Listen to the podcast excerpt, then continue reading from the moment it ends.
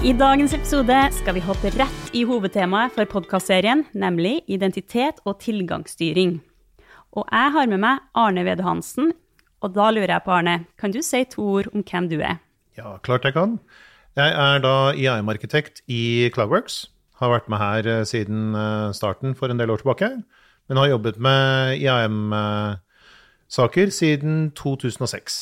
I både privat og offentlig, og i alle typer organisasjoner. Så du har god erfaring? Jeg prøver å påstå, i hvert fall. ok, men da må vi jo egentlig bare spørre rett ut, da. Hva er egentlig IAM? Får du til å forklare det på en litt sånn ikke-teknisk måte? Kan prøve. Altså Kjernen i IAM handler om at brukere og personene som har disse brukerne, skal kunne logge seg på ulike tjenester og at når de logger seg på de tjenestene, får lov til å gjøre akkurat det de trenger å gjøre og skal ha lov til å gjøre, og ikke noe mer.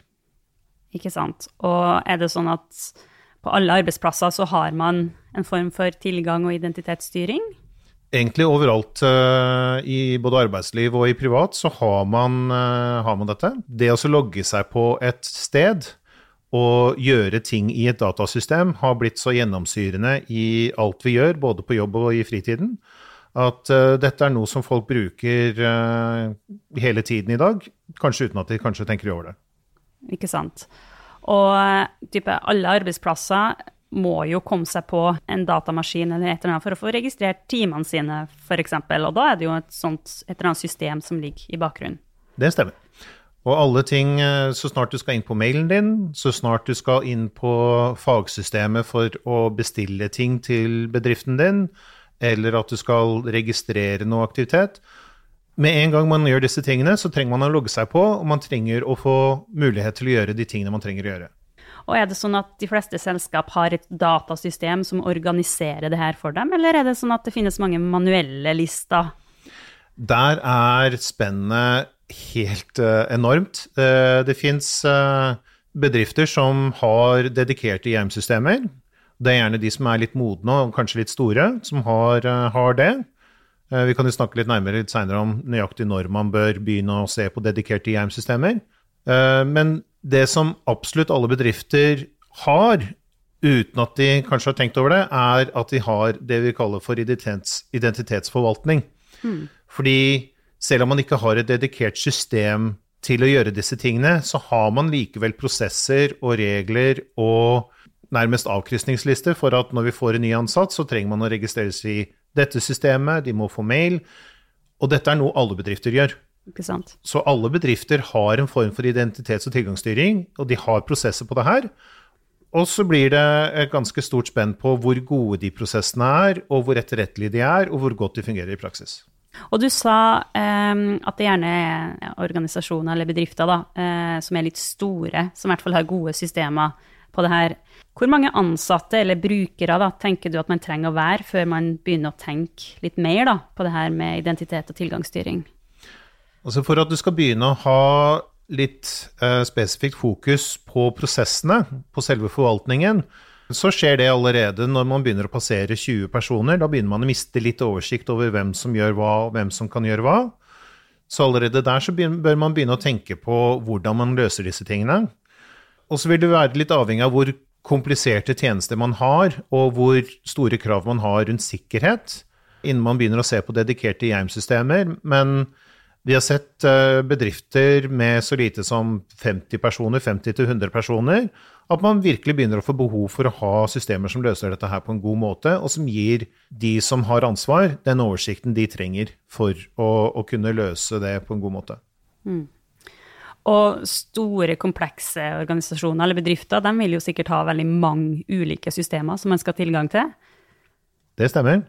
Jo flere systemer man har, jo flere brukere man har, jo mer bør man sørge for at man har disse tingene på stell, og at man har den teknologien og de systemene man trenger for å kunne understøtte det arbeidet og det ansvaret man skal ha. Vil du si at det er mye rot ut der? Jeg vil si at uh, det er Alle kan forbedre styringen sin rundt uh, identiteter og tilganger. Det er, det er, alltid noe å hente. Og så er uh, det veldig ulikt hvor man starter på skalaen. Noen må ta tak i de helt grunnleggende tingene med at man har brukere som sitter igjen med kontoer lenge etter at de har slutta, eller at brukere må vente én til to uker før de får tilgang til et system de trenger tilgang til for å gjøre jobben sin. Mens andre har den type ting på plass, men har ting å hente på andre områder rundt uh, governance og tilgangsrevisjon, rundt uh, det her med avansert autentisering. Så alle har noe å hente det er rot på et eller annet område, på et eller annet nivå, så er det, er det forbedringspotensialet. Og så vil det bare variere nøyaktig hvor man, hvor man må begynne å ta tak. Og så vil jo kanskje arbeidshverdagen og påloggingssystemet og sånn, eller påloggingsreisen, oppleves enklere for den ansatte desto bedre kontroll man har. Ja, altså Når man har en, en god prosess understøttet av gode systemer, så vil det å komme inn i en slik organisasjon og ta i bruk tjenestene, være en, en, veldig smooth prosess for den nye ansatte. For da vil det være andre som tar, tar unna mye av det som den ansatte sjøl kanskje måtte ta hånd om tidligere. Eller man har automatikk som løser dette her direkte, uten at noen trenger å være involvert i det hele tatt. Sånn at den ansatte, den nye, den nye personen i organisasjonen, nærmest kommer til dekka bord og kan få, få gjort jobben sin fra dag én, og kanskje til og med fra time én. Og da skjønner jeg jo med en gang at det er jo store gevinster her ved å ha et godt IAM-system eller en god IAM-løsning, da. Er det noen flere gevinster, eh, bortsett fra at det er behagelig for den ansatte å starte på jobb og faktisk få lov til å jobbe med en gang, som du har lyst til å utdype litt? Å ja. Det er eh, Altså dette her med å gjøre det enkelt for den ansatte og sluttbrukeren er selvfølgelig veldig viktig. Det handler også om å kunne gjøre ting effektivt at de tilgangene og de identitetene som man trenger i andre systemer, at de kommer på plass så fort som mulig. Eh, og helst før man har bruk for at de er der, sånn at ting ligger klart. Men det som kanskje er det aller viktigste, er hvor godt dette støtter opp under sikkerhetsarbeidet i en organisasjon. Og sørge for at brukere ikke har tilgang til mer enn det de har bruk for, og at brukere som ikke lenger er i organisasjonen, mister de tilgangene så snart de skal. Eh, så, så snart de har slutta i jobben, så skal de ikke lenger kunne logge seg på for å se på ulike ting i jobben heller. Mm. Eller hvis de bytter jobb internt, så er det kanskje ting som de tidligere kunne se, men som de ikke lenger skal ha mulighet til å se. Ja, så eh, det med fallgruvene for å ikke ha et sånt system, det, det, er mye på sikkerhet, men det vil jo også være altså, tenker jeg, Det er jo mange manuelle Eh, rutiner rundt det her. Eh, så hvis man får et godt system og gode prosesser, så, så vil det jo være HR-avdelinga bl.a. som slipper å ha så mye rot som de må ha kontroll på. De som, eh, de som gjerne merker det Altså, det vi pleier å gjøre, er at HR-systemene brukes som kilde for den informasjonen som vi lar flyte utover i tjenestelandskapet. Mm. Sånn at så lenge opplysningene i HR-systemet er riktige, så vil de også bli riktige i alle andre systemer. Og gevinsten for HR-avdelingen er jo da at de nærmest blir satt på, på en liten sånn pidestall. At eh, dere, folkens, nå må dere ha deres ting på stell. Når det ikke er det, så vil dere få en tilbakemelding om det. Vi vil si ifra når opplysninger er feil, eller at eh, registreringer er feil, sånn at kvalitetskontrollen på arbeidet deres. Vi vil hjelpe dere med, dere, hjelpe dere med å gjøre det, mm. men det er viktig at det er helt i orden. Ikke sant. Og er det ofte Du sier at det er HR-systemet som er en slags masterdata da, ja. Eh, for de andre systemene. Er det ofte stor ryddejobb å gjøre her, før man setter i gang med type nytt IM-prosjekt? da?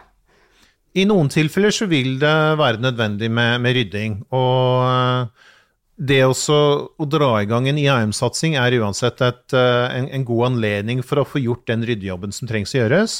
Mm. Den pleier ikke å være uoverkommelig. Det er, det er, sjelden så mye rot at man ikke får rydda det på en grei måte. Mm. Det, det, har jeg til gode å se noe sted, egentlig. At, at rota har vært så grunnleggende at vi ikke har kunnet eh, begynne der engang. Og så vil det være, etter hvert som man kobler på nye systemer og nye tjenester, så vil man gjennomføre en, en opprydding i de dataene man finner i disse systemene.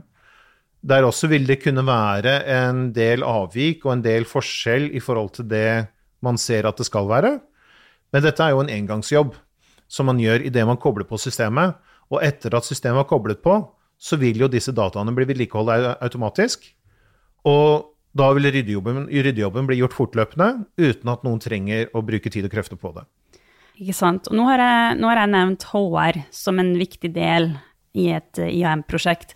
Men hvem andre er det i bedriften som, som bør være med når man skal se litt nærmere på det her? Egentlig så bør man involvere folk fra det meste av organisasjonen. Mm. IT-avdelingen blir gjerne med litt sånn eh, default, fordi det, det er de som har innsikt i IT-løsningene og hvordan de er uh, sydd sammen. Det som man også bør, de som man også bør få med, er systemforvalterne. Altså de som er ansvarlig for systemene. Både fra et teknisk perspektiv, fordi det er, det er jo litt jobb å, å, få integrert dem, og det er jo ting man trenger å vite om systemet, hvordan det fungerer rent teknisk. Men disse prosessene og denne teknologien skal jo ikke eksistere i et vakuum. Så man trenger å ha med de som er systemeiere fra forretningssiden også. De som er forretningsmessig ansvarlige for systemene. For det er jo de som har fasiten på hvordan et system skal brukes, og hvordan tilgangen i det systemet skal være sett opp mot de ulike brukerne og de ulike kategoriene man har av brukere. Så de bør man absolutt involvere òg.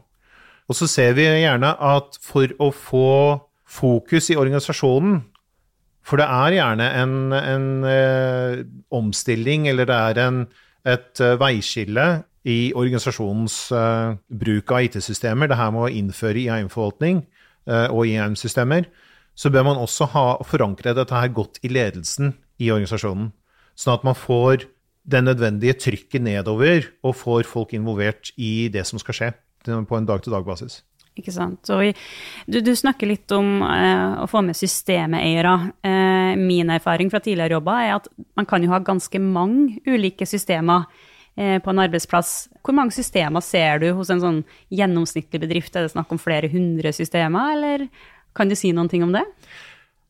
Der er jo eh, Der er vi kjapt inne på et definisjonsspørsmål. Fordi de fleste klarer å, å, å lage en liste på si en 10-20 essensielle systemer som det er ingen tvil om at dette er ting vi må ha kontroll på. Dette er ting vi bruker såpass mye, og som er såpass essensielle for det vi gjør, at det, her må vi ha kontroll på, på tilgangen og på brukerne som er inne.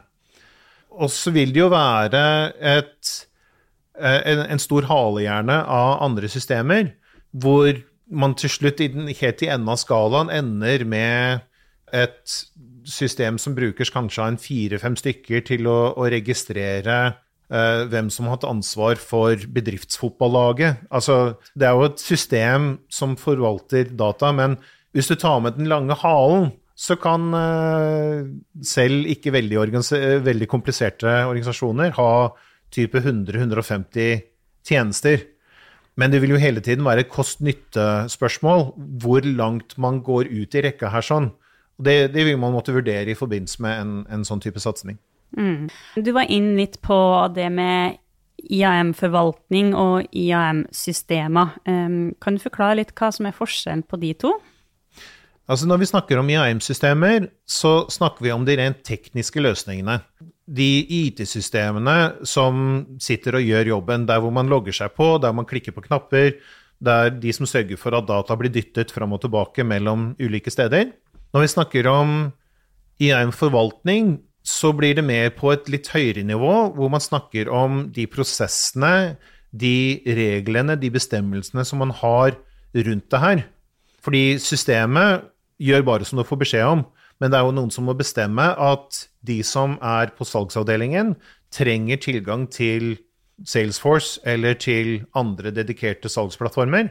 De som er på HR-avdelingen, de trenger superbrukertilgang i HR-systemet. Og må, det må være en, en, eh, en, forvaltning rundt det her, det må være bestemmelse på det her. Sånn at det det IAM-systemet gjør ting innafor en kontekst og i en sammenheng. Ikke sant. Da tenker jeg at vi har fått, uh, fått god innsikt i hva IAM egentlig er, uh, både på systemplan, men også på den forvaltningsbiten da, som er minst like viktig som selve systemet, uh, selvfølgelig. Hvordan er det egentlig man kommer i gang hvis man nå sitter og hører på og tenker oi, det her burde vi hatt på plass? Hvor starter man da? Du starter med å definere hvor er det vi har etterrettelig informasjon om våre brukere, og hvem de er. I de fleste tilfeller så vil dette her være et HR eller et lønnssystem. Men dette stedet, dette kildesystemet, vil da danne grunnlag for den informasjonen som skal videre. I, I, første omgang så vil jo det handle om det å opprette en konto uten å tenke på hva slags tilganger. Da håndterer man det manuelt gjerne videre. Men det å få på plass at brukere får den grunnleggende tilgangen i systemene automatisk, er gjerne et greit sted å starte. Og man starter gjerne med, uh, med å koble inn uh, grunnleggende ting, som f.eks. e-post eller Office 365. Da. Mm. Eller sånne store samhandlingsplattformer som, uh, som Workplace eller, eller tilsvarende. Mm. Som er generelt i bruk på, på tvers av, av, hele organisasjonen. Mm. Det kan jo være at noen sitter og tenker på at det her høres vanskelig og dyrt ut. Har du noen gode tips på hvordan man kan få til en god identitet og tilgangsstyring på budsjett? Det er et, et godt spørsmål. Det er uh, mye, mye løses ved å i det hele tatt begynne å tenke på disse tingene og begynne å se på dem på egen hånd. Det som gjerne da avgjør, altså hvis man ikke har for mye ressurser å bruke på dette her, så vil det heller være at da bruker man lengre tid på å få ting på plass.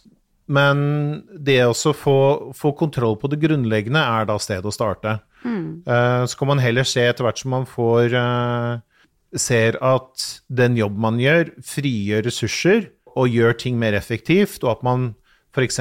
da sparer penger fordi lisenser blir frigjort. Man trenger ikke å betale for lisenser for gamle brukere. Man ser at folk trenger ikke å bruke masse tid på passordresett på helpdesken og, og sånt noe. Og etter hvert som man ser at man frigjør ressurser og sånt noe, så kan man kanskje tenke at ok, men la oss bruke de ressursene på å bygge videre på identitetsforvaltningen. At man får en litt sånn eh, rolig start, men at man da får brukt mer tid og krefter etter hvert som man ser nytten av det her. Og da, da, vil man jo gjerne begynne å se litt mer på det her med automatisering også. Og hvis du som hører på er mer interessert i å høre litt om automatisering, så er det akkurat det som er temaet for vår neste podkast.